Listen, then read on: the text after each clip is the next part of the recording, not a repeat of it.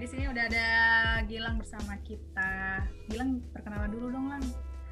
Lu nama Halo, halo, lengkap boleh, boleh. siapa? Terus status. Nama lengkap. Terus apa lagi? Ukuran sepatu. Boleh, ntar siapa tahu pendengar ada yang mau kirim-kirim lu sepatu apa kayak. Bisa, bisa. Oke, uh, start dari nama dulu kali ya, yang paling gampang. Uh, nama gue Gilang, uh, lengkap Gilang Muhammad Hussein. Kalau lo mau cari di LinkedIn bisa langsung cari aja Gilang Muhammad Hussein, M O C H M M A D. Uh, currently gue join sama Cicil, cicil.co.id. Uh, gue working as a product manager sih di sana. Terus gue join Cicil itu udah setahun lebih. Kalau gue itu sih kayaknya sekitar 18 bulan ya. Gitu. Jadi udah 18 bulan di Cicil as a PM. Kalau jadi PM sendiri sebenarnya baru uh, starting dari Agustus 2019 Uh, sebelumnya dari tahun 2015 gue lebih banyak kerja jadi HR sama headhunters gitu. In a gist sebenarnya profile gue cuman gitu doang. Pertama kali banget banting setir dari HR. Iya betul. Gimana nih pengalamannya banting setirnya? Uh, lumayan lumayan apa ya? Kalau kata lagunya Frozen yang kedua tuh Into the Unknown kali ya karena benar-benar nggak tahu, benar-benar blank kayak gitu. Cuman uh, sebenarnya sih keinginan untuk menjadi product manager ini udah agak lama. Jadi dari tahun 2016, 2017, 2017-an lah. Uh, itu sebenarnya udah pengen jadi PM sih. Cuman mungkin uh, masih bel belum berani aja, belum berani coba. Jadi uh, pengen tapi nggak berani nyoba kayak gitu. Even kayak buat apply aja tuh uh, gue nggak berani kayak gitu. Jadi Uh, kayak yang lo bilang tadi sih sebelum sebelum ini di record jadi kebanyakan overthinking jadinya nggak dimulai kayak gitu. Terus uh, karena satu dan lain hal uh, di kantor sebelumnya uh, jadi si bisnisnya closing down. Uh, terus gue uh, one of the person in my organization that got laid off kayak gitu. Terus akhirnya kayak oh ya udah emang karena karena apa ya karena kepepet kali ya the power of kepepet yeah, terus kayak ya udahlah bodo aja uh, gue akhirnya gue hajar aja jadi kayak gitu gue hajar uh, coba apply. Jadi sebenarnya dulunya HR-nya itu HR-nya Cicil approach gue buat jadi HR juga sih di sana kayak gitu. Oh Cuman, gitu. Jadi pertamanya uh, lo tuh di approach justru jadi HR di sana gitu? Iya buat jadi tech recruiter. Terus uh, ngobrol akhirnya kan ngajakin ketemu. Uh, terus ngobrol terus uh, at the end of the conversations tuh gue nembak kayak gini jadi kalau misalnya lo mau uh, hire gue di HR lagi kayak gitu. Gue cuma punya dua choices nih. Lo mau ngasih gue position SOD, Organizational Development, hmm. atau di talent management, BTM kayak gitu.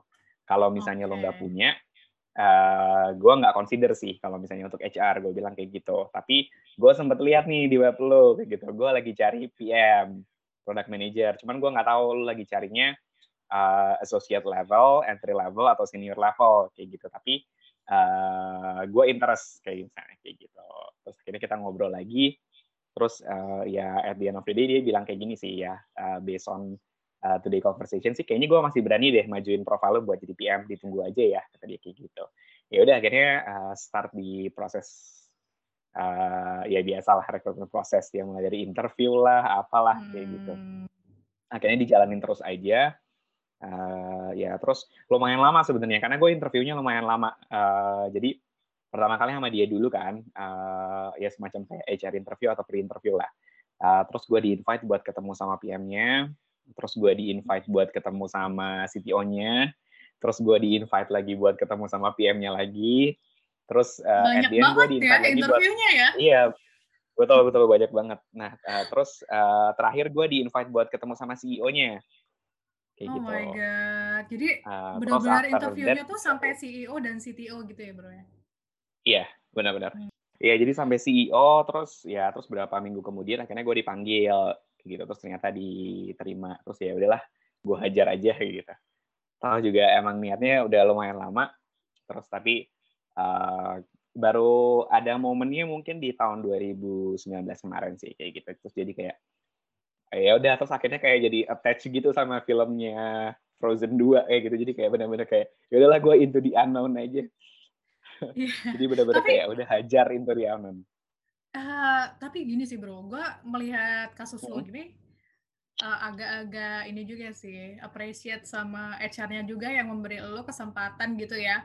Uh, mengingat lo tuh adalah di rekrut uh, rekrutmen, tapi tiba-tiba lo kayak uh, in the middle of interview lo ngelobi-lobi bisa nggak gue jadi PM, terus dia kayak kasih lo kesempatan ini agak-agak jarang gue denger juga sih gitu ya, ya nggak sih? Iya, Hmm. betul betul. Gua gua setuju, gua sebenarnya appreciate sama HR-nya, sama si, eee, organization itself, kayak gitu ya, sama si Hmm. cicilnya juga gitu, karena dia Hmm. berani ngasih benefit of a doubt, kayak gitu. Jadi, yang lucunya adalah sebenarnya gua tuh lulusan IT dulu, eee, gua lulusan IT, tapi gua kerja di HR. Jadi sebenarnya dari kerjaan pertama tuh, eee, ya sebenarnya gua quite lucky lah, eee, bisa cross functions atau cross divisional kayak gitu. Karena, Iya. eee, pas jadi HR pun mungkin yang interview kan kayak, "Lah, lo mah kan lulusannya IT, kenapa mau jadi HR?" Kayak gitu kan. Iya. Kayak gitu. Terus pas ke PM juga pasti kayak, "Lo tuh dulu kuliah IT, kerja di HR, kenapa lo mau balik lagi jadi PM?" Kayak gitu. Eee, cuman ya itu tadi benefit of doubt. Cuman mungkin the power of connections juga kali ya, Yan ya. Jadi, eee, HR-nya Cicil ini kebetulan waktu gua kerja jadi headhunter, gua pernah, eee, kerja bareng sama dia, tapi sebelum dia di Cicil, kayak gitu. Jadi Oh gitu, kenal lah, jadi lu cuman udah emang kenal? heeh, udah kenal, betul. Cuman mungkin dulu nggak pernah ketemu langsung kali ya, karena kerjanya kan emang virtually, bener-bener virtually, kayak gitu. Jadi, eee, tapi udah kenal duluan, kayak gitu. Mmm, oke deh. Jadi dari emang sebenarnya lu kerja, eee, HR itu berapa lama sih? Sebelum jadi PM?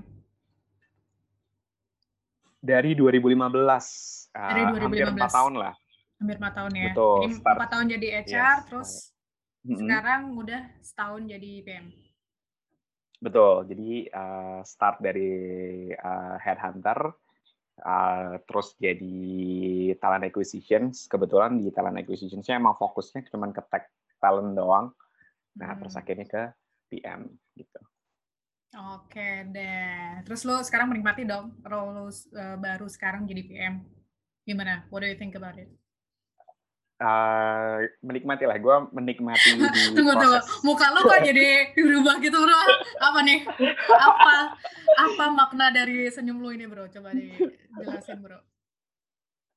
Ya gua gua, eee, menikmati di proses lah. Gua kan tipikal orang yang sebenarnya, eee, mesinnya tuh panasnya lama, heating-nya lama. Jadi nggak nggak kayak, oh gua, eee, langsung catch up with all of things gitu, gua langsung bisa, eee, banyak hal gitu. Nggak, gua tipikal orang yang, eee, mungkin mesinnya panasnya lama lah kalau diibaratkan dengan mesin, gitu. Jadi ya udah gua menikmati di proses aja, kayak gitu. Jadi gua masih kayak, eee, oh the more the more you know sih. Jadi semakin gua jalanin, semakin banyak gua tahu, nah itu yang gua nikmatin, kayak gitu ya. Meskipun ke kayak capek lah. Mungkin karena, eee, dulu, eee, gua juga tipikal orang yang idealis kali ya, eee, mungkin itu salahnya juga. Jadi gua tuh selalu berpikir bahwa, oh as a PM itu kerjaan lu seperti ini gitu, ideally seperti ini, kayak gitu. Turns out kan emang, eee, highly dependable sama si organizations, eee, nya sendiri kan. Kalau Mmm. misalnya mungkin kalau misalnya yang di, eee, large organizationals kayak gitu, yang udah cukup gede, udah cukup settle, ya mungkin dia bisa jadi ideal, gitu. Tapi kalau Mmm. misalnya yang masih kecil kan berarti kayak you have to do a lot of things at the same times, kayak gitu. Even kayak, eee, product operationals pun ya lu, eee, at some point kadang-kadang harus ngerjain, kayak gitu. Iya sih, benar benar banget sih. Ya, eee, begitulah, Bro. Sebagai PM lu harus kayak menurut gua sih, eee, setiap apa ya, company atau setiap in institution itu beda-beda ya, ya definition of product, manager itu sendiri gitu. Ada yang kayak product manager tapi lu ngurusin timnya juga, ada yang benar-benar lu ngurusin produknya aja, kayak gitu. Nah, kalau di Cicil kayak gimana nih? Hmm. Eee, manage tim mungkin nggak nggak begitu manage tim kali ya. Jadi Mhm. karena, eee, di masing-masing squad ada squad lead-nya sendiri, kayak gitu. Tapi, Mmm. eee, ya, eee, at some points, eee, we do manage the people tapi nggak directly, kayak gitu. Eee, Mhm. jadi, eee, we do managing people by managing the task, berarti kan kayak gitu. Eee, task management itself itu kan sebenarnya diserahin ke engineer-nya masing-masing ya. Kita kan cuman kayak, Mmm. eee, kasih kayak Fireman? this is betul this is what I want to build kayak gitu hmm. ini goalnya hmm.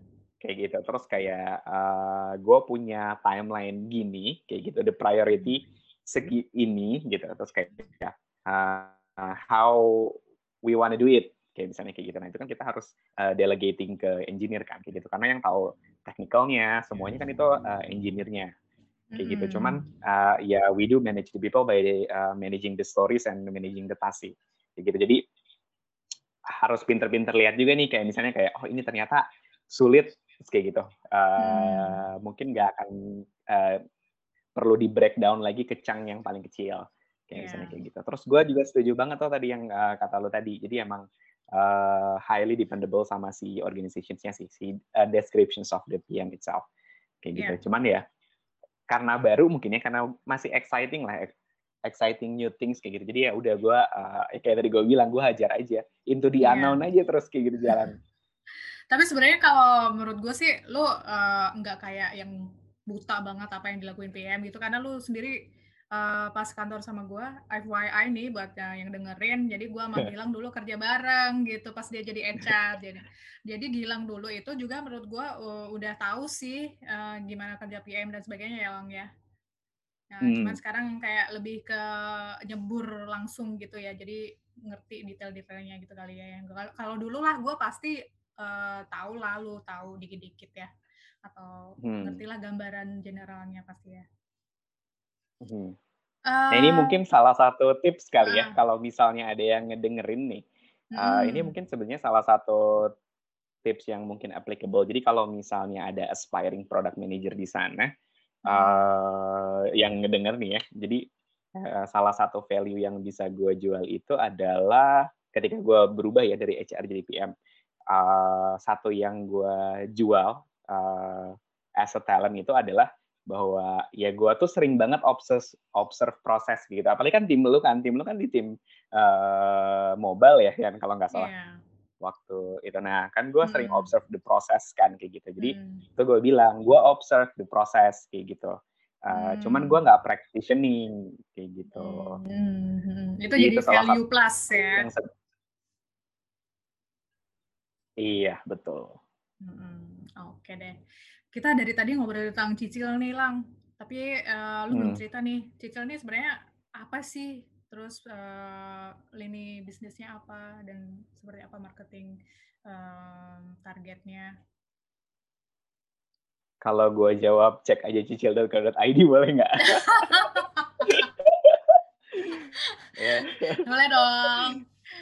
Nah, Oke, paling yang pertama tadi sih. Coba dicek aja dulu cicil.co.id. Iya. Langsung nih, langsung cek di handphone atau di mana pun bisa nge-search cicil.co.id ya, cicil.id. Iya. Cicil.co.id. Cicil.co.id. Iya, betul. Oke deh, oke. Hmm. Uh, gimana? Mau gue jelasin ini jis atau gimana? Gue jelasin ini iya aja kali ya. Lu jelasin ini okay, aja dong. Nanti kita nggak bisa ngobrol lagi setelah ini. Jadi kalau misalnya Cicil sendiri, uh, kalau misalnya lu lihat kan ada tagline nih Easy Financial Success for Students sebenarnya. Uh, secara goal sih sebenarnya uh, kita itu pengen kayak opening uh, financial success akses ke students kayak gitu. Jadi target utamanya memang students. Studentsnya ini mungkin yang ada di higher educational students ya. Jadi mulai dari uh, perguruan tinggi, perguruan tinggi. Jadi kita fokusnya ke mahasiswa sebenarnya kayak gitu. Nah, easy financial access-nya tuh ke mana kayak gitu. Nah, financial access-nya tuh uh, yang kita tawar itu banyak. Jadi yang pertama itu ke kebutuhan kuliah itu yang pertama. Uh, kalau misalnya disimplify, sebenarnya kebutuhan kuliah ini lebih bentuknya ke barang ya jadi hmm. lebih ke hmm. barang kayak gitu. Terus yang misal kedua itu nih? easy misal financial. laptop atau misal Iya, betul. Uh, apa gitu. Biasanya apa hmm. sih yang di dipinjemin? Uh, kalau misalnya mau uh, produk elektronik yang dibeli buat kebutuhan mahasiswa sih sebenarnya uh, laptop sama handphone itu dua. Hmm. Tapi hmm. banyak juga yang beli kayak uh, SLR kamera or anything lah yang bisa mendukung kuliah mereka. Kayak gitu. Jadi, kamera uh, bisa, Bro? Bisa, bisa, bisa. Wow. bisa. Jadi banyak tuh uh, mahasiswa kuliah desain biasanya kan butuh tuh butuh kamera lah, butuh apa gitu desain komunikasi visual biasanya ya. atau mungkin fotografi jurusan fotografi. Uh, itu biasanya mereka butuh kayak gitu. Terus uh, handphone, laptop kalau barang biasanya itu sih. Uh, to most ordered uh, barangnya sebenarnya ada di uh, laptop sama handphone sih. Itu untuk yang barang. Terus hmm. another financial access yang kita kasih itu sebenarnya ke tuition, tuition loan, tuition fee. Jadi hmm. uh, biaya kuliah uh, semester atau biaya uh, biasanya kalau masuk kuliah tuh ada kayak biaya bangunan gitu ya, or something lah, gitu. Itu juga iya. bisa. Atau kayak both, uang hmm. pembangunan hmm. gitu kali ya namanya ya. Nah, betul, betul, betul. Kok gue malah jadi lupa termsnya apa, malah lu yang lebih tahu. Bener. Terus uh, itu yang kedua yang financial access, uh, financial accessnya satu lagi itu ke tuition loan. Uh, kayak tadi uang pembangunan, uang semester, atau uang pembangunan dan semester. Jadi bisa both juga. Jadi itu juga kita uh, catering juga buat di sana. Uh, terus hmm. other than that sebenarnya lebih ke uh, informal education sekali ya. Jadi uh, mulai kayak dari certificate kayak gitu. Terus uh, bootcamp. Uh, itu juga kita ada uh, ada ada programnya bisa dipakai juga. Terus kita juga sekarang uh, kita branching ke produk baru juga namanya cicil belajar. Jadi kalau cicil belajar itu uh, dia agak beda. Kalau misalnya yang tadi kan kalau misalnya yang informal education itu kita emang partner kan sama penyedia jasanya Nah, uh, kalau ini lebih ke kayak lo bisa beli uh, kalau cicil belajar tuh kayak lo beli voucher buat onboard di platform mereka kayak gitu buat uh, apa buat uh, sama juga sih sebenarnya kayak misalnya pelatihan bahasa uh, atau mungkin kayak misalnya pelatihan web kayak gitu. Jadi kalau misalnya uh, lu bisa beli uh, si vouchernya dicicil belajar kayak gitu. Terus uh, another thing sih sebenarnya kita ada branching produk baru lagi uh, produk juga Uh, satu lagi itu PPOB. Jadi kita uh, ya bisa beli pulsa lah, cicil pulsa kayak gitu.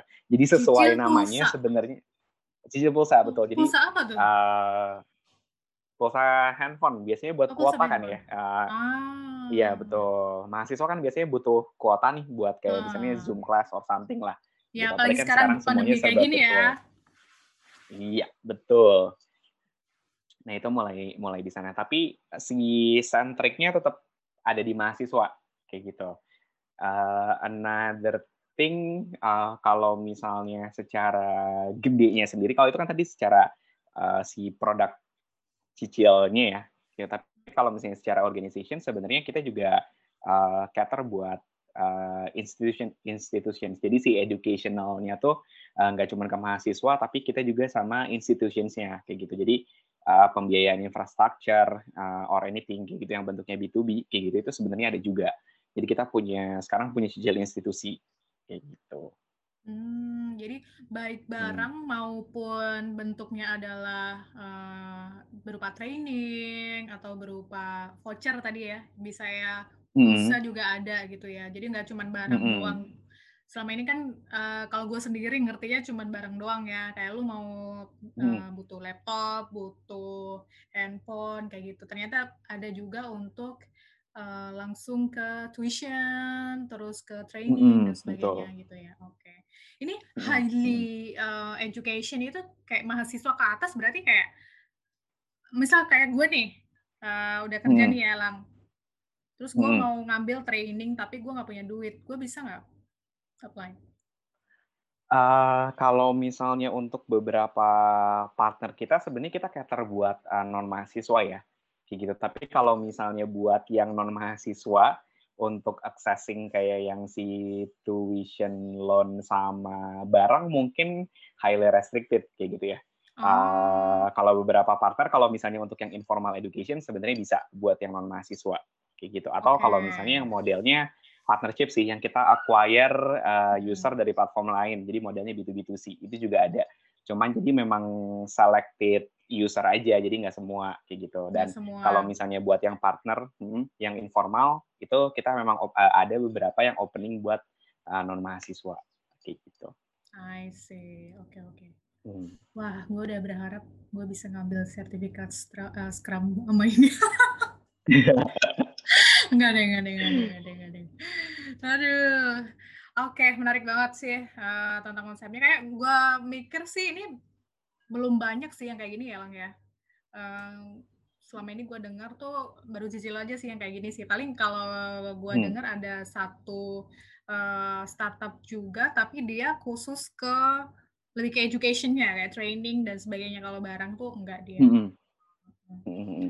Oke, menarik. Ini kalau gue bisa bilang ini termasuk peer-to-peer lending nggak ya, Lang, kategorinya? Iya, kalau kategorinya masuknya ke P2P. P2P uh, ya? Eh, cuman yang tadi, uh, cuman jadi kita uh, si target marketnya lebih ke uh, mahasiswa, kayak gitu. Hmm, oke. Nah, ini kan kalau misal P2P yang kita sering, uh, ya gue sering tahu lah ya P2P itu pasti kan mm -hmm. syaratnya adalah uh, NPWP, terus KTP dan sebagainya.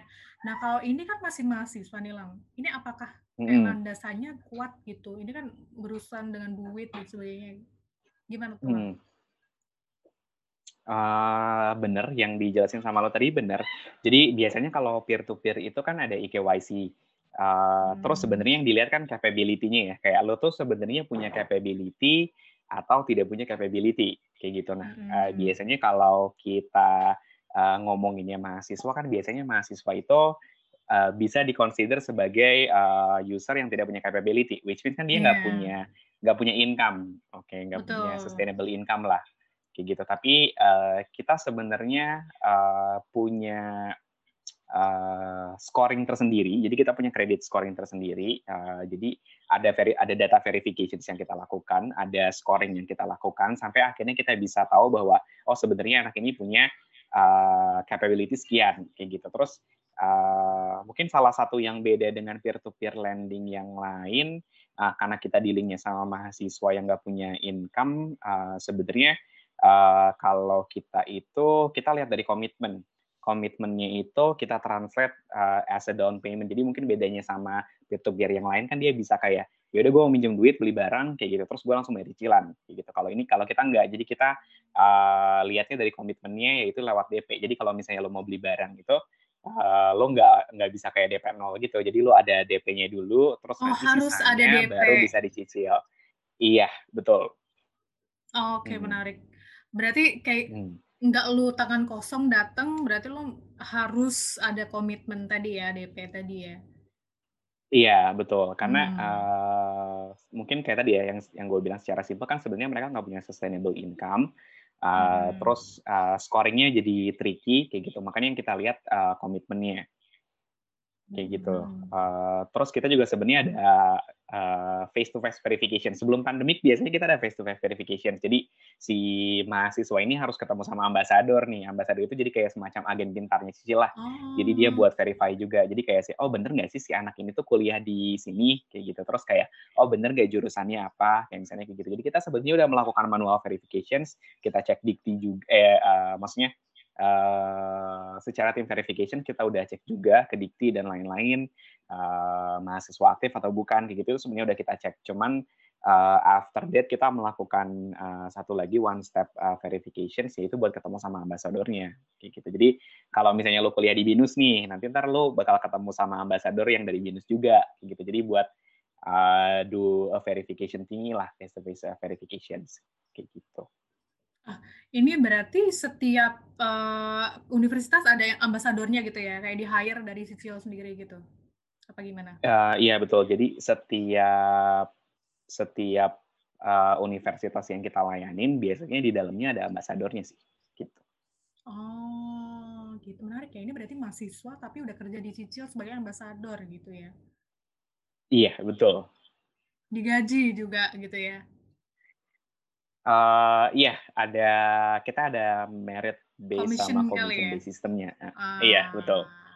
Ini berarti yang uh, buat yang dengerin, yang mahasiswa mungkin bisa uh, mencalonkan diri atau apply sebagai ambasador kalau universitasnya belum ada ambasadornya ya. Hmm, betul betul. Hmm, hmm, menarik menarik menarik. Lumayan tuh kan. Pasti hmm. banyak sih yang pengen tahu dan uh, manfaat jadi ambasadornya gitu kan ya. Ini uh, yeah. Lang, jadi verifikasinya pun itu menjadi dari ambasador itu akan membantu untuk verifikasi ke universitinya itu sendiri gitu ya. Misal kalau uh, enggak lebih lebih ke kalau ke universitasnya sebenarnya kita bisa cek langsung dari uh, pangkalan data dikti kan. Tapi oh. maksudnya jadi kita punya agent khusus di kampusnya supaya si kampusnya tuh uh, apa sih ambasadornya di kampus tersebut memverifikasi kayak si usernya itu ada benar-benar di sana nggak? Gitu. Hmm, oke oke oke. Terus pernah ada Ini yang ada beeping yang masuk nggak sih Yan? Lagi ya, ada, ada truk gitu ada beeping yang masuk, iya. Uh, ada ada. It's okay, it's okay. Gua mute, gua oh it's okay, ada apa. Sorry, sorry. Um, ini gua kan ngeliat ini pasti ada verifikasi dan sebagainya nih. Nah, selama ini ada nggak sih yang gagal verifikasinya gitu? Ada ada yang ngaku universitas di sini sebagai mahasiswa tapi ternyata enggak gitu banyak nggak kasus kayak gitu uh, ada ada ada lah uh, pasti ada. Jadi kalau misalnya uh, fraudulent itu pasti uh, banyak sih uh, casesnya kayak gitu. Tapi uh, tim verifikasinya juga kan sebenarnya udah lama tuh kerjanya udah uh, cicil kan dari tahun 2000 4 tahun ya berarti dari tahun 2017 tuh kayak gitu. Jadi mereka sebenarnya udah udah tahu sih uh, fraud yang fraudulent cases itu uh, kayak gimana kayak gitu hmm. jadi ya suka ada kayak gitu yang benar-benar kayak oh sebenarnya dia bukan di sana kayak gitu terus atau ternyata dia beliin barang buat orang lain kayak misalnya kayak gitu itu juga ada Oke, banyak ya kayak gitu. Hmm. Atau kalau bisa di percentage berapa nih persen? Nggak, nggak, Aduh, gue takut ya. kasih number. eh, gue takut kasih number yang salah, okay, okay, tapi okay. selalu ada lah. Kayak gitu, case-nya selalu ada, kayak gitu. Ini menarik banget karena apalang gue selama ini tuh, oh my god, gue tuh anaknya kan kayak kepo gitu kan, sering ya overthink hmm. dan sebagainya gitu. terus, terus gue tuh bisa menemukan satu grup itu di uh, Facebook itu adalah grup hmm. orang-orang hmm. yang memang suka ngefraud bro di peer to peer lending gitu kan makanya gue kayak memang memikirkan bahwa is Indonesia ready for peer to peer lending because uh, ya kita udah ngerti lah kayak gimana ya nature-nya hmm. warga uh, berflower ini uh, berflower lagi neg neg negara uh, plus 62 ini gitu kan nature-nya kayak gimana terus ada peer to peer hmm. lending ya kita kita ngerti lah ujungnya akan kayak gimana gitu kan nah makanya gue hmm. tuh iseng ya, ini aja apa namanya kepikiran aja kalau kalau mahasiswa tuh udah sampai ke situ nggak sih kepikirannya gitu gitu hmm. atau yang hmm. melakukan fraud itu bukan mahasiswa justru oknum oknum oknum lain gitu karena kalau misalnya dia bukan mahasiswa aktif, mungkin uh, pasti ketika verification stage dia bakal langsung ke reject ya, gitu. Jadi dia bakal langsung gagal sih kayak gitu. Atau bahkan ketika dia uh, mengisi data pun dia nggak akan uh, bisa provide dengan uh, data yang dia butuhkan kayak gitu. Karena kita minta academic data juga kan, mulai dari kayak NIM atau KTP, eh NIM atau KTM itu kita minta. Hmm. Kayak gitu. Terus uh, mungkin kalau misalnya dia bukan mahasiswa atau oknum-oknum tertentu mungkin agak sulit. Uh, karena memang kita directly emang cuman uh, cater ke mahasiswa. Uh, kalau misalnya fraudulent itself ya mungkin dia uh, mungkin uh, gue nggak tahu ya gue assuming sih mungkin dia udah cukup tahu cicil mungkin ya jadi dia bisa hmm. bisa ngapain gitu oh gue tahu cicil kayak gini kayak, kayak gimana kayak gitu cuman uh, biasanya yang paling sering itu itu sih uh, beli barang buat orang lain gitu. Jadi dia ngebeliin hmm. barang buat orang lain. Jadi mungkin karena temennya mungkin uh, di reject uh, on hmm. some cases gitu. Terus akhirnya dia nitip uh, minta beliin. Jadi kebanyakan yang uh, yang kita temukan itu gitu. yang uh, titip barang kayak gitu. Kalau misalnya yang uh, fraudulent yang lain mungkin ada tapi kayaknya nggak sebanyak uh, itu sih atau mungkin kayak typical cases yang di peer to peer lending yang lain mungkin kayak kita nggak uh, banyak lah kayak gitu. Cuman tadi bener juga tuh kayak misalnya uh, apakah si plus 62 ini ready buat uh, peer to peer lending kayak gitu. Ya. Sulit juga sih tapi tapi tapi ginian. Jadi uh, gue juga sebenarnya itu pertanyaan yang yang yang gue sempat tanyain waktu pas interview. Jadi kayak um, lu tuh dealing sama mahasiswa yang tidak punya capability kayak gitu kan kayak gitu. Dia nggak punya sustainable income kayak gitu. Terus gimana lu yakin lu mau ngasih duit ke mahasiswa kayak gitu. Ya tadi kan ada uh, there's a commitment yang ditranslate menjadi down payment kayak gitu oke okay, gue ngerti kayak gitu tapi selanjutnya apa lagi kayak gitu nah terus uh, CEO gue gue tuh bilang kayak gini jadi um, uh, marketnya kita kan sebenarnya nggak jauh beda sama marketnya bank ya kayak gitu. Terus hmm. dia itu bentuknya segitiga ter, segitiga kayak gitu. Jadi di yang paling atas itu dia ada un, ada bank community, terus dia punya capability. Ya enggak? Uh, nah si bank community dan punya capability ini itu udah pasti jadi targetnya bank.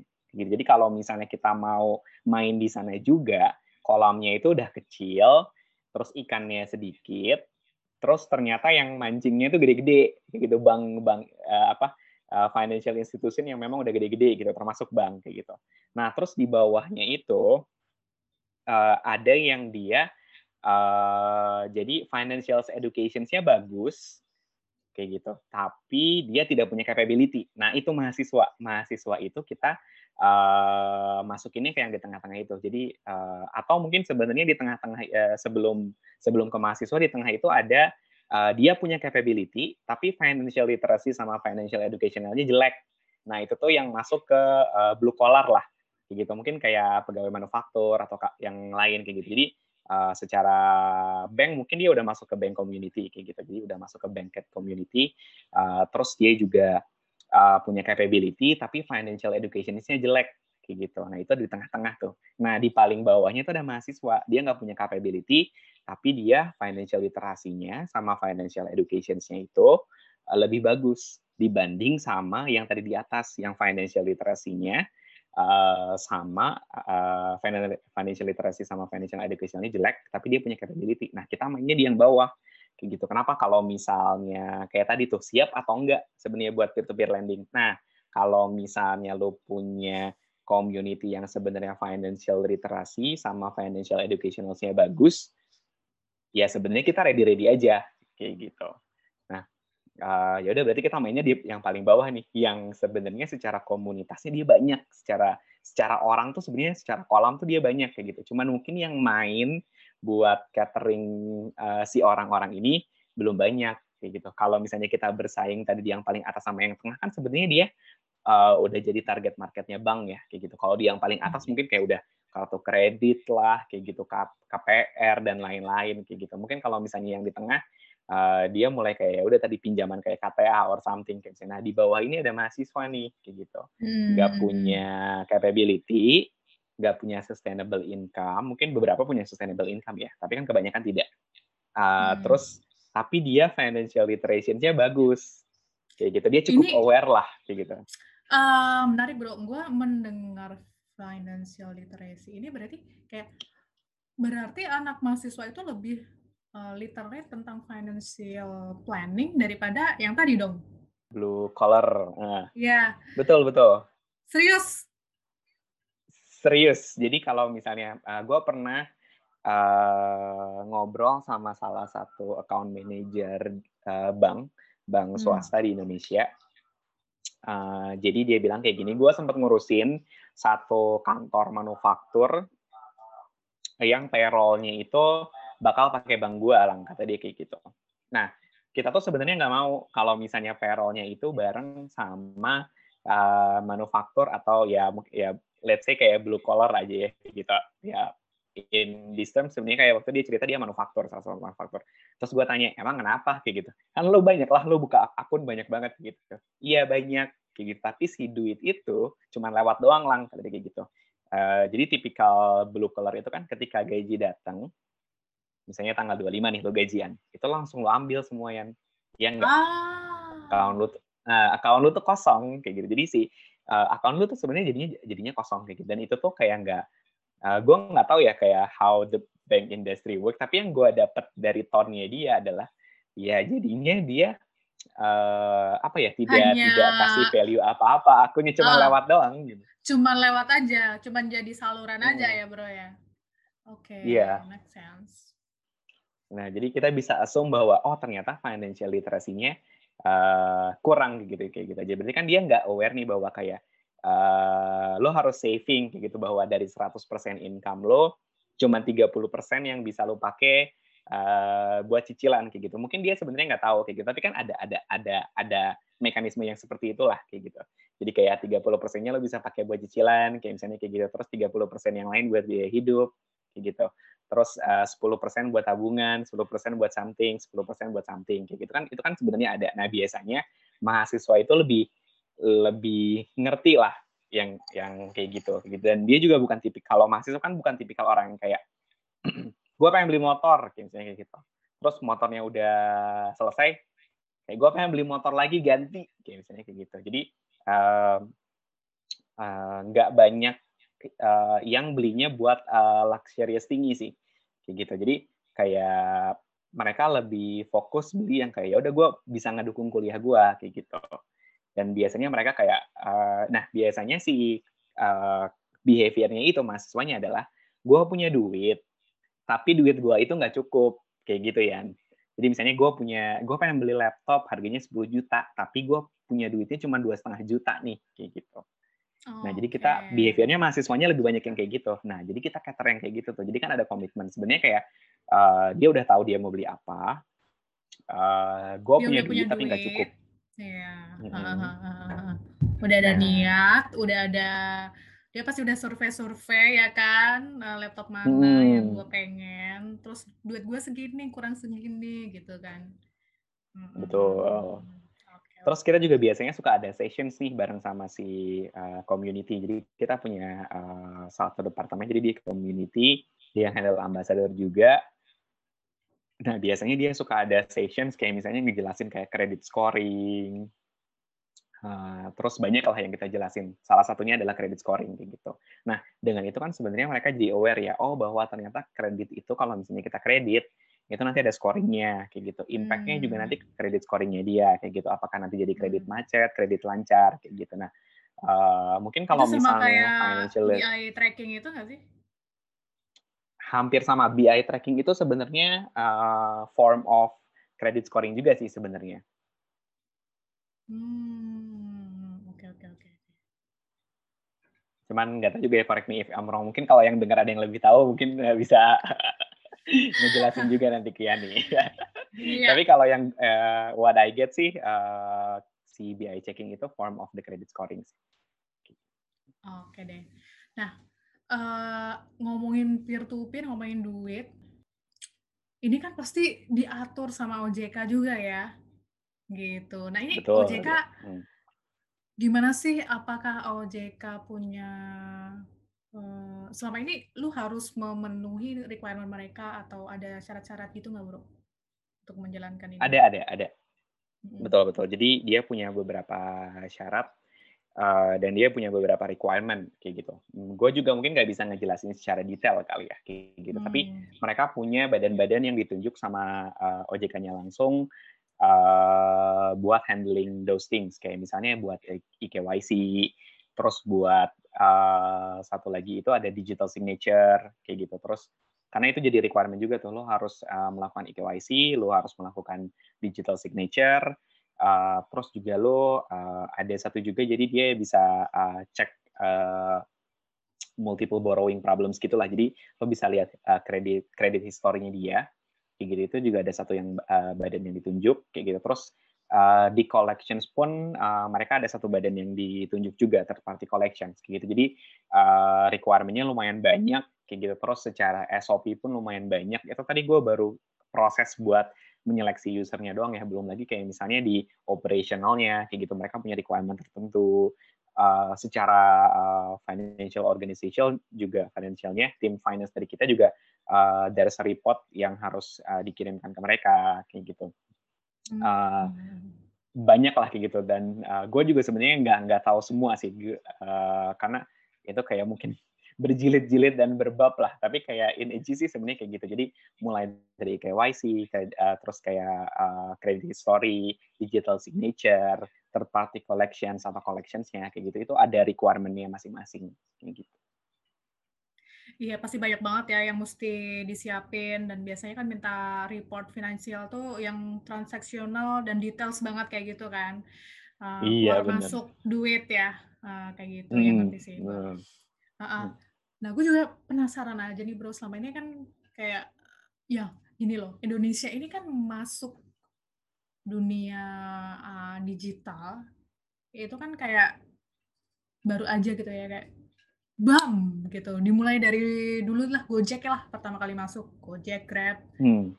terus kan udah berjamur tuh sejak itu gitu. banyak banget hal hal-hal virtual hal-hal yang online kayak kayak gini bermunculan hmm. nah ini gue cuman berpikir aja kayak apakah pemerintah Indonesia tuh cukup uh, sigap dan siap uh, menghadapi disruption ini gitu loh. Jadi kayak OJK tuh kayak gimana sih? Mereka ada ada ada apa namanya? pasang pasang pagar atau pasang pengamanan banget nggak sih buat Indonesia sebagai customer juga Indonesia sebagai penyedia jasanya kayak gitu kan. Hmm. Menurut lo OJK ini cukup ketat lah ya dengan uh, requirement-requirement untuk peer-to-peer lending. Sebenarnya mereka cukup cukup buat gue cukup ketat ya, ketat hmm. dan uh, cukup juga sih, cukup jawab kayak security-nya atau kayak gimana kayak gitu. Mereka cukup menjawab kayak gitu. In the oh. detail, gue nggak bisa cerita banyak, nggak nggak. Yeah kalau misalnya secara regulatori sih sebenarnya udah oke okay lah ya. Cuman kalau misalnya untuk detailsnya mungkin uh, gue juga nggak bisa ngejelasin banyak kayak gitu. Gue juga belum banyak uh, baca juga. Jadi kalau misalnya secara regulatori sih uh, sebenarnya mereka udah oke, okay, udah cukup ketat kayak gitu. Secara license pun kan mereka nggak nggak mengeluarkan secara gitu aja kayak gitu. Jadi kayak uh, ketika dia mengeluarkan license untuk peer-to-peer tuh banyak banget yang perlu lu uh, audit bareng sama OJK gitu operationalsnya terus kayak si application itself kayak gitu. Terus kayak proses di belakangnya seperti apa uh, secara finance-nya seperti apa kayak gitu. Itu semuanya udah ke cover semua kayak gitu. Dan menurut gue itu cukup uh, cukup oke okay lah kayak gitu. Cuman kalau misalnya untuk kayak di kayak disruptions or something gue juga uh, masih agak bingung sebenarnya. Um, ready or not ready kan sebenarnya lebih banyak ke si konsumernya ya ya nggak kayak gitu. Konsumernya sebenarnya bisa menjadi konsumer yang pintar nggak? Gitu tapi OJK juga sebenarnya punya layanan deh kalau gua uh, kalau nggak salah. Dia banyak ngejelasin. Gue lupa 157 or something deh. OJK tuh punya Uh, jadi dia banyak ngejelasin juga tentang peer-to-peer lending, investment, kayak gitu. Jadi uh, mereka juga raising awareness lah bahwa kalau misalnya si uh, financial technology itu banyak bentuknya, kayak gitu. Terus sekarang banyak banget, kayak gitu. Terus gak semuanya diawasi sama OJK, gak semuanya punya OJK licensing, kayak gitu. Mereka juga cukup spread the awareness sih, kayak gitu. Karena banyak banyak yang ketipu juga kan, gitu. Jadi nggak cuman fraudulence-nya tuh nggak nggak nggak apa nggak cuma dari satu sisi, tapi it goes both way. Jadi ada yang peer-to-peer-nya ini yang nipu usernya, tapi ada juga usernya yang menipu peer-to-peer-nya gitu. Iya, iya, iya, iya, iya, ya, paham sih, paham sih bro. Jadi kayak ada orang, eh, ada peer-to-peer yang nggak terdaftar di OJK juga, uh, ngefraud ke customer-nya gitu kan. Banyak juga customer yang ngefraudin portfolio gitu karena hmm. ada mungkin beberapa pasal lemah gitu kan, nggak ada di pasalnya, nggak ada di peraturannya, terus dia memper uh, memanfaatkan itu gitu celahnya gitu kan, Bro. Biasanya kayak gitu kan terjadi fraud. Mm -hmm. Betul, betul. Mm. Oke, okay. uh, menarik sih point of view lo yang lo bilang tadi bahwa sebenarnya kita jangan menitik beratkan peraturan yang dibikin OJK-nya, tapi lebih ke kayak gimana membangun awareness dari uh, masyarakat Indonesia ini sendiri tentang adanya peer-to-peer lending, ya kan? Hmm. Mm -hmm. Karena uh, at the end of the day mereka sendiri nanti yang akan merasakan manfaatnya, baik juga nanti menerima uh, resiko atau konsekuensinya, gitu kan, bro? Iya betul. Oke, bener sih setuju banget gue jadi agak tercerahkan nih sekarang. Iya iya. Uh, karena selama ini ada tuh teman gue yang jadi korban tuh bro, dia tuh nggak minjem apa-apa bro, emang dia Hmm. punya akun di salah satu peer to peer uh, lending ya, tapi dia nggak Mhm. pakai, dia belum pernah pakai gitu. Tiba-tiba ada tagihan gitu, dan tagihannya lumayan Mhm banyak lah ya jumlahnya gitu, terus dia kaget ya, salah satu victim juga gitu. Nah gue waktu itu juga ngebantuin gimana caranya dia bisa uh, seek justice ya tentang ini gitu. Tapi gue cari-cari peraturan di OJK gitu kan, ya kayak ya mungkin gue sendiri yang kurang nemu apa kurang apa gitu. Agak lemah juga sih sebenarnya kalau dari situ dia mau ngeklaim, apalagi di situ Mhm. tuh uh, emailnya katanya emailnya udah diganti gitu sama si orang nipu ini dan kayak kayak gitu. Nah Mhm. akhirnya dia bayar juga gitu loh, makanya gue juga Mhm. ya dengan Hmm. segala resiko kalau lu punya akun di situ, lu mesti benar-benar keep your personal identity, your account, Hmm. kayak gitu kali ya? Iya. Karena kalau misalnya dia comply sama aturannya OJK sih, eee, Yan, dia sebenarnya, eee, secara aplikasi sendiri, eee, ada beberapa yang di-restrict kan gitu, kayak misalnya foto tuh kita nggak nggak bisa upload foto langsung dari handphone, harus ngambil, eee, foto langsung kayak gitu. Jadi kita nggak kalau misalnya yang, eee, dari OJK tuh kayak gitu, nggak boleh ambil langsung, nggak boleh akses, eee, phone kontak, nggak boleh akses apa, kayak gitu. Itu secara application sebenarnya di eee, ada regulasinya dari OJK, kayak gitu. Jadi biasanya kalau misalnya yang terjadi kayak gitu, ya itu bisa dibilang dia eee, mungkin salah satu peer to peer yang nakal kali ya, jadi dia nggak nggak nggak comply. Karena kayak tadi gue bilang, kalau misalnya yang bareng sama yang, eee, dia comply sama OJK, ada digital signature juga, kayak gitu. Dan si didi digi Mmm. digital signature ini ditunjuk sama OJK, terus dia ngecek data ke Dukcapil juga, kayak gitu. Jadi, mmm, sebenarnya udah udah udah bener secara security udah ada regulator udah ada ininya sih, udah ada regulasinya nih, yang, eee, gimana caranya supaya, eee, si peer to peer ini aman, gitu, aman dari kayak identity theft atau apa. Tapi kan, ya lu tahulah kalau misalnya orang-orang +62 kan kalau misalnya udah sama fraudulence itu mereka jauh lebih pintar, kayak gitu. Ya mungkin Satu langkah ke bisa. depan, Bro. Iya betul, 10 langkah ke depan malah, kayak gitu. Makanya kalau sekarang kan Mmm. jadi beberapa kan udah ada yang, eee, implement, eee, liveness check, kayak gitu kan. Jadi kalau misalnya lo ngambil foto, lo harus kayak, eee, lihat kanan, lihat kiri, kayak gitu, terus kayak, "Oh iya lu live," kayak gitu. Terus dia juga udah bisa identify nih kalau misalnya lo ngambil picture in picture, jadi kayak, "Oh gue punya KTP-nya Yani nih," kayak gitu, ya udah gue fotoin aja, kayak gitu. Nah itu juga sebenarnya udah, eee, udah ada lah di berap di beberapa platform. Jadi, eee, secara security sih regulasi udah diatur sama OJK, terus peer to peer-nya juga sebenarnya mereka bikin, eee, apa, mereka a solutions buat kayak yang tadi, identity theft atau kayak, eee, fraudulence, kayak gitu. Jadi, eee, mereka juga masing-masing pasti sudah memikirkan cara supaya me-minimize, kayak gitu. Karena, Mhm. ya jelek juga kan kayak tadi, eee, nanti mereka nggak bayar, kayak misalnya kayak gitu. Kalau yang nggak bayar, yang berabe kan peer to peer lending-nya juga kan ya, gitu. Jadi, aturannya dari udah OJK udah ada, regulasinya masing-masing peer to peer juga pasti punya punya, eee, some kind of solutions lah buat ngurangin hal tersebut, kayak gitu.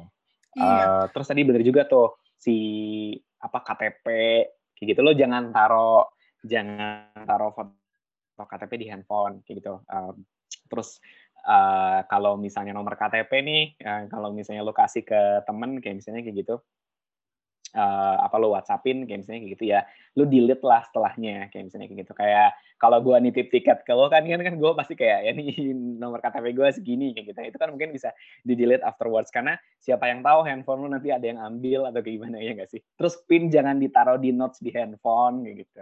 Banyak sebenarnya yang bisa Mhm. dilakukan. Iya, jadi sebenarnya sekarang itu kalau gua, eee, pikir-pikir ya, Lang, ya, KTP ini Mhm. powerful banget ya sekarang ya, Lang, ya? Betul betul, quite Dia bisa jadi sih, mhm. verification kayak semua hal menurut gua, kayak bank, kartu kredit, peer to peer lending, terus bahkan Mhm. Tokopedia sekarang kan verification juga pakai, eee, KTP kan. Ini bener-bener powerful Mhm. banget, jadi please please please banget guys, eee, buat yang dengerin, kayak lu hidup di zaman sekarang itu musti bener-bener yang namanya menjaga, eee, personal information elu, terus menjaga hmm. yang namanya KTP, NPWP itu jangan kayak lu sembarangan kayak fotokopi terus fotokopiannya sisanya kayak lu buang dengan sembarangan kayak gitu ya nggak sih? Hmm. Kalau kalau dulu kan betul, kan kita nggak kepikiran kan menjaga KTP iya. kayak gitu ya nggak sih bro? Iya kayak dulu kan kayak udah bodo amat. bodo amat terus, kan gitu. Iya bodo amat iya kalau misalnya dapat paket juga kan sebenarnya banyak tuh. Alamat kan kita bisa tahu dari uh, paket kan. Kan biasanya paket ada tempelannya tuh alamatnya, nomor teleponnya gitu. Ya kalau misalnya lo nggak gunting gitu ya, lo tidak hancurkan hal tersebut ya. Kalau misalnya keambil sama orang lain gitu, emang ada orang yang niatnya jahat ya bisa dari situ. Hmm, gitu. Setuju banget. Terus, gua, uh, hmm. lo pernah nggak dapat delivery? Pernah dapat pernah nggak dapat delivery barang? Terus si uh, mamang deliverynya tuh minta ini, minta kayak, Mas boleh foto KTP-nya nggak? Kayak gitu. Nah itu sebisa mungkin lo hindarin lah. Maksudnya kayak jangan dia nanti uh, bener-bener foto KTP lo, real KTP lo, lo kasih terus kayak lo foto kayak gitu. Nah, Beneran nah, ada kayak, yang kayak gitu? Uh, ada, ada, ada. Kemarin gue sempat uh, dapat paket, uh, terus dia nanya uh, atas nama ini ya, iya kayak gitu. Mas boleh minta uh, foto KTP-nya nggak? Nah gue tuh kan heran nih kayak, lah biasanya kan yang diminta foto kita sama barangnya, tapi yang ini tuh dia minta foto KTP-nya gitu. Akhirnya ya, yang gue kasih itu ya kebetulan gue punya punya fotokopi KTP. Jadi kayak ya udah lu foto aja nih fotokopi KTP gue kayak gitu. Karena kalau misalnya buat peer-to-peer lending kan KTP-nya harus KTP asli nih. Kalau misalnya dia fotokopian nggak bisa tuh, nggak bisa hmm. di-verify gitu. Hmm, Oke. Okay. Jadi harus hati-hati juga sih.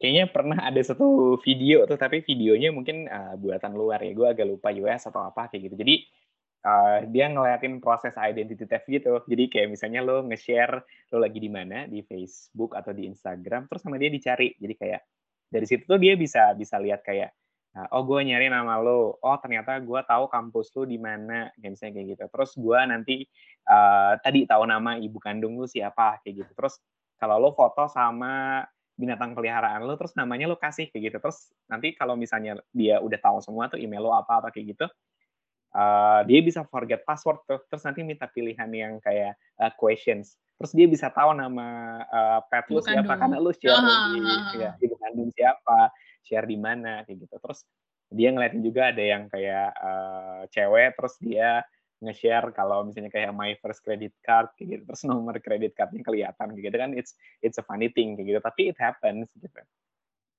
Iya benar banget sih. Nah makanya tuh zaman udah berubah banget ya dan kita tuh lebih feeling insecure nggak sih dengan data-data pribadi hmm. kita gitu mulai dari yang alamat terus nama bahkan nama ibu kandung kita yang dulu tuh kayak apa sih nyembunyiin nama ibu ibu kandung lo kayak penting banget gitu. terus malah nanti jadi bahan ejek Iya, kan. dibully-bully ntar. Ih, so artis hmm. banget. Nama ibu kandungannya nggak boleh tahu gitu. Terus uh, eh, KTP, fotokopi nggak boleh sembarangan. Terus bahkan nomor handphone, terus alamat email ya, alamat email itu juga salah satu hal yang menurut gua sekarang ya krusial banget sih, Bro. Kayak alamat email lu, kalau email lu hmm. yang utama itu udah dihack, itu disaster. disaster iya, ya. Udah kelar udah kelar hidup lo udah kelar. Iya baik banget. Itu, hmm. itu gimana ya? Handphone hilang kita masih bisa handphone beli handphone baru masih bisa apa ya recover lah ya dengan uh, account-account kita ya dengan email gitu. Kalau hmm. email udah dihack bukan masalah kita bisa bikin email baru lagi sih bukan itu masalahnya Perusahaan yeah. panjang tuh hmm. sama yang akun-akun yang ada di situ gitu. Maksudnya bisa forward password kan. Untung sekarang pakai OTP sih ya, ya verification-nya. Hmm. Hmm. Tapi kalau orang yang nggak tahu juga kan banyak yang penipuan yang OTP kan. Jadi dia nelfon oh, iya. nanti kayak nanti ada OTP yang terkirim kayak gitu. Boleh disebutkan kayak gitu. Gua gua sempat gua sempat. Jadi uh, gua pakai provider something. Uh, terus kebetulan kan dia bentuknya uh, postpaid ya. Jadi uh, pasca bayar kayak gitu. Terus gue sempat telepon katanya kayak gini. Iya, uh, kemarin saya lihat uh, usage-nya segini kayak gitu. Terus kita mau naikin kayak gitu. Terus kayak uh, ada promo ini kata dia kayak gitu. Ya udah gue dengerin aja. Gue soalnya promo lah ya. Gue ya sama seperti warga plus 62 yang lainnya pasti gue tergerak oleh promo lah kayak gitu. Terus pas itu uh, iya uh, saya ada kirimkan OTP ya ke nomor bapak terus kayak pas dia udah minta OTP gue langsung matiin kayak gitu. Ya kali OTP mau gue kasih. Oh ya tapi gue ini sih lang hmm, wondering ya apakah di Indonesia ini ada yang kejebak dengan gitu-gituan gitu? Pasti ada lah ya banyak ya. Pasti banyak kayaknya banyak hmm. terutama generasi ya, baby boomer lah ya aduh Enggak, enggak limit itu generasi baby boomer, tapi boleh dibilang generasi orang tua kita lah. Mungkin generasi ya. orang tua kita ya banyak karena iya. uh, mungkin informasinya juga yang kurang ya. Jadi awareness tentang menjaga personal uh, identity, information dan hmm. juga tentang kemungkinan-kemungkinan fraud yang seperti ini tuh mereka belum fully aware gitu loh. Jadi iya. Ya nggak sih? Ya, ya, ya, ya, ya, ya. Eh, kita udah lama banget nih, hampir sejam gitu. Hmm.